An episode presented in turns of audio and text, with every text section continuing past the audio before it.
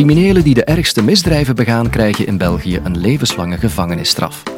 Toch komt een deel van hen vervroegd vrij. Welke filosofie hierachter zit, legt criminoloog Christel Bijesje uit. Waarom is levenslang niet levenslang? Dit is de Universiteit van Vlaanderen.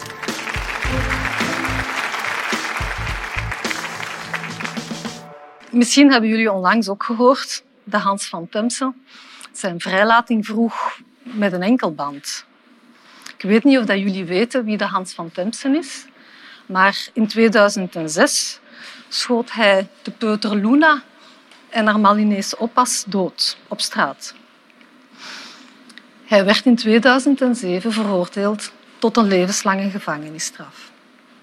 En vandaag vraagt hij of dat hij uit de gevangenis mag komen.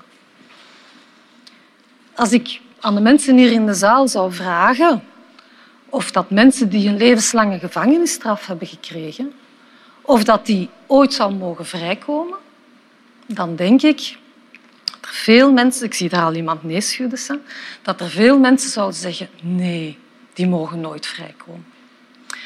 Wel, in België bestaat toch de mogelijkheid voor mensen die een levenslange gevangenisstraf hebben om ooit te kunnen vrijkomen. Ik zeg ooit en mogelijkheid, maar toch wil ik vandaag aan jullie uitleggen waarom dat, dat zo is.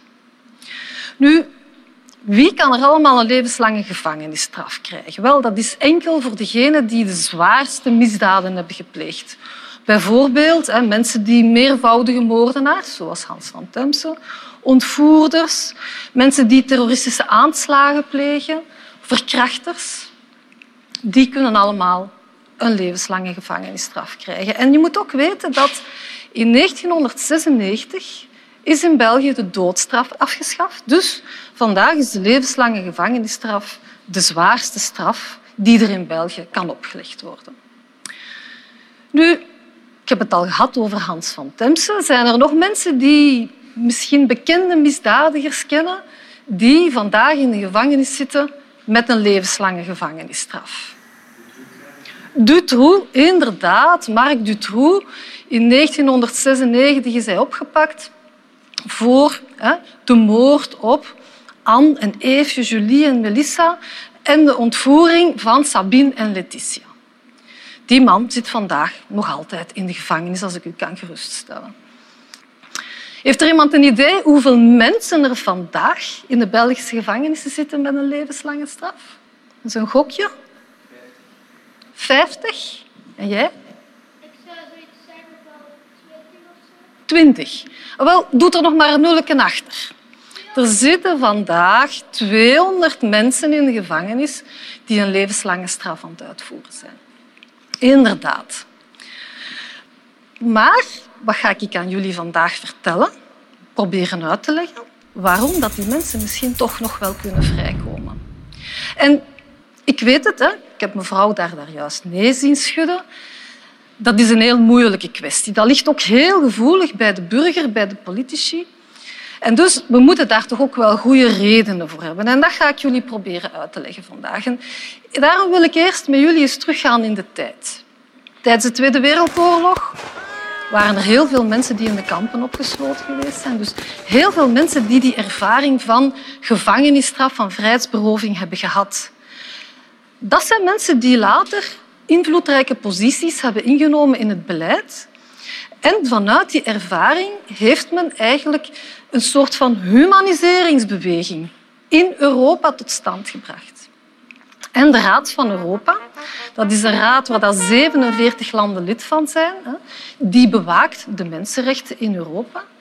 En in de jaren 70 heeft die Raad van Europa bepaald dat een levenslange gevangenisstraf, zonder ooit de hoop te hebben om ooit vrij te kunnen komen, dat dat een onmenselijke straf is. En dat we binnen Europa geen onmenselijke straffen willen en kunnen opleggen. Ik wil ook eens nadenken van waarom wordt er nu gestraft? Wat zijn nu de belangrijke doelstellingen van een gevangenisstraf? Wie kan zo eens eh, een doelstelling geven?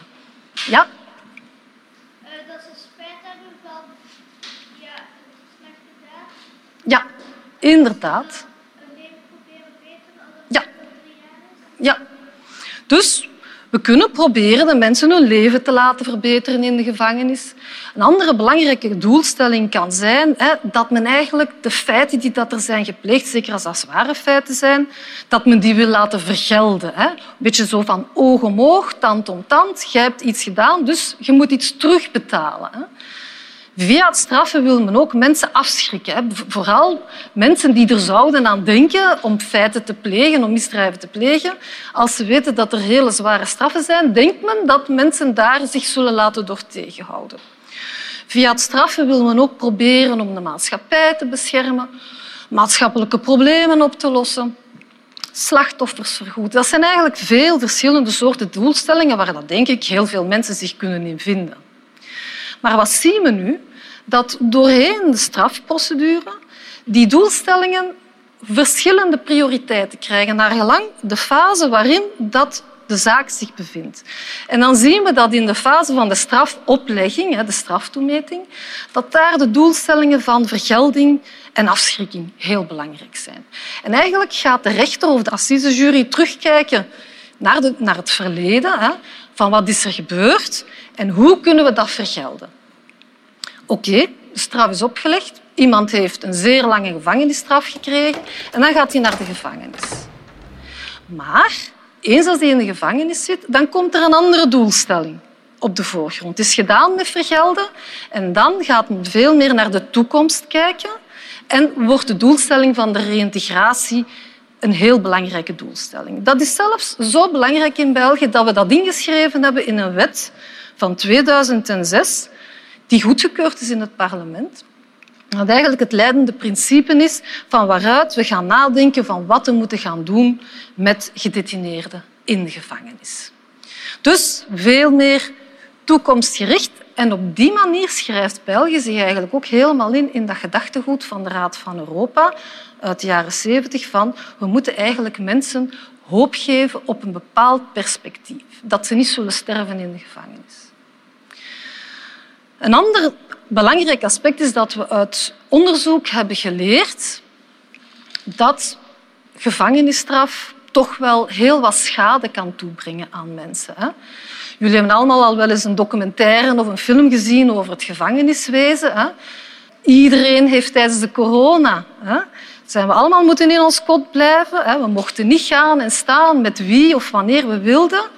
Dat was toch maar een heel klein flauw proevertje van wat dat gedetineerden meemaken als ze in de gevangenis terechtkomen. Wij zaten in ons huis met onze vrienden in onze gouden kooi.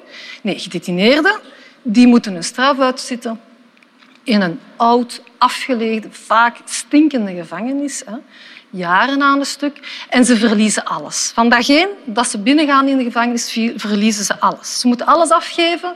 Ze verliezen de autonomie over alle aspecten van hun leven. Ze verliezen ook hun positie in de samenleving, sociale rollen. De rol van vader, zoon, dochter, want er zitten ook vrouwen in de gevangenis, vriend, vriendin enzovoort. Dus ze worden alleen nog gedetineerden. En we hebben ook in onderzoek vastgesteld dat er heel veel ja, psychologische schade wordt opgelopen tijdens zo'n gevangenisstraf. Mensen hebben heel veel last van stress. Er is veel meer depressie in de gevangenis. Mensen doen aan zelfverminking. Ze worden apathisch. Ze, verliezen, ze worden emotioneel veel instabieler. En we hebben ook vastgesteld dat in vergelijking met de samenleving het aantal zelfmoorden in de gevangenis veel hoger is. Het is dan ook niet voor niks dat er zoveel pijnstillers en slaapmiddelen in de gevangenis worden genomen. En dat verklaart ook waarom er zo'n hoge nood is aan illegale drugs. Omdat die gedetineerden hun stress hè, willen vermijden of gaan beheersen. Dus, zoveel te langer dat je mensen in de gevangenis steekt, zoveel te groter de problemen worden. Een heel belangrijk aspect om dus die detentieschade, waar ik het daar juist over had, proberen te voorkomen, is om toch zoveel mogelijk contact met de buitenwereld toe te laten. Ik weet niet of jullie al eens een keer jullie smartphone verloren zijn of vertrokken thuis zonder jullie smartphone of een dag of een week zonder smartphone hebben gezeten. De meeste mensen voelen zich totaal verloren. En dan realiseren we ons hoe belangrijk dat, dat ding is om contact te onderhouden met onze vrienden, met onze familie, via WhatsApp, Snapchat, Facebook, wat is het allemaal? Wel, gedetineerden moeten hun smartphone afgeven als ze binnenkomen. Dus dat contact via die middelen verliezen ze.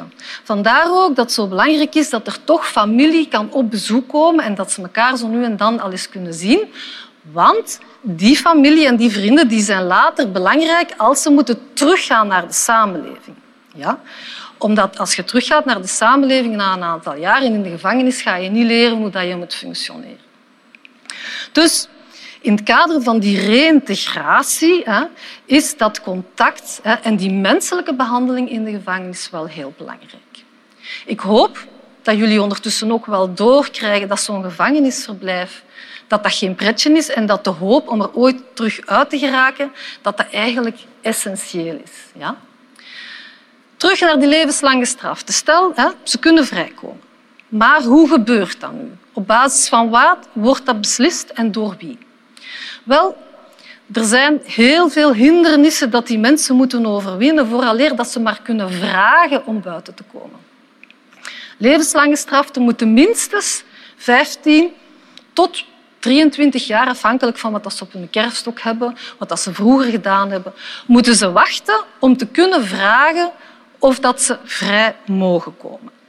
Oké, als die wachttijd achter de rug is, dan is er een strafuitvoeringsrechtbank, dus een echte rechtbank, die naar de dossier gaat kijken en die een aantal elementen gaat beoordelen. Een belangrijk, een vijftal elementen. Bijvoorbeeld, de gedetineerde moet kunnen aantonen dat hij of zij een woning heeft of uh, werk zal hebben als hij vrijkomt. Hij moet ook de strafuitvoeringsrechtbank kunnen overtuigen dat er geen nieuwe feiten zullen gepleegd worden, dus dat hij niet zal recidiveren. Hij moet ook kunnen aantonen dat hij, of beloven in ieder geval dat hij de slachtoffers niet zal lastigvallen.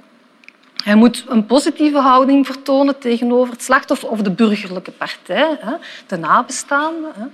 Hij moet voldoende schuldinzicht eh, vertonen en hij moet ook beginnen met het afbetalen van de burgerlijke partij in de gevangenis. Als je dan weet dat je in de gevangenis maar 1 euro en minder vaak dan 1 euro per uur kunt verdienen, dan moet je niet, kan, je, kan je al voorstellen hoe moeilijk het moet zijn om aan die voorwaarden ook te kunnen voldoen.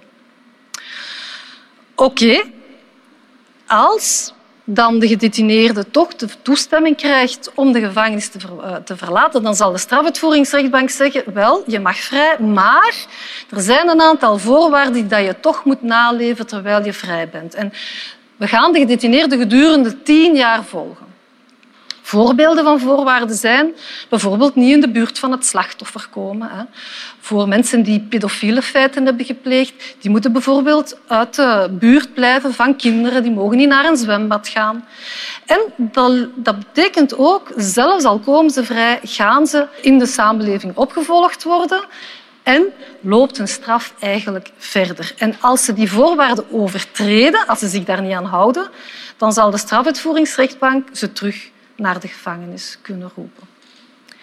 Oké, iedereen, en dat is wat er in België wordt bepaald, iedereen, ook de zwaarste misdadigers, die kunnen dus op een bepaald moment vrijkomen, maar het is helemaal niet zo gemakkelijk. En ik hoop dat jullie je niet in jullie koffie verslikken als je nog eens hoort of leest hè, dat Dutroux zijn in vrijstelling vraagt of zijn een enkelband vraagt. Hè. Hij mag dat vragen. Hij zit ondertussen 24 jaar vast. Maar de kans dat hij het zal krijgen, acht ik zeer laag. Want hij zal niet aan die voorwaarden kunnen voldoen. En vergeet niet dat er vandaag mensen heel lang in de gevangenis zitten. De langstzittende... Heeft er iemand een idee hoe lang de langstzittende in de gevangenis zit? Ja? 50 jaar. Je bent er bijna. 45 jaar. Staf van zit al 45 jaar in de gevangenis en de kans dat hij daar nog een tijd zal zitten en nooit zal vrijkomen is heel groot. Freddy Horion, 42 jaar. Ook de kans dat hij ooit zal vrijkomen is redelijk laag.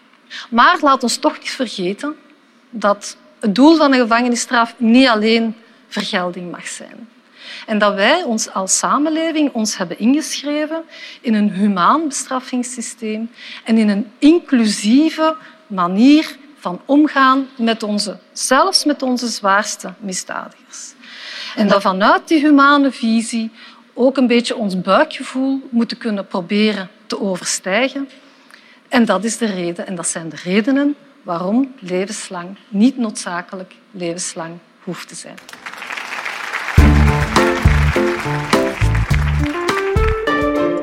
In de gevangenis zitten is allesbehalve een pretje. Criminoloog Sonja Snakke vertelt je meer over de psychologische schade die gedetineerden vaak oplopen. In podcast 24 worden Europese gevangenen nog gefolterd.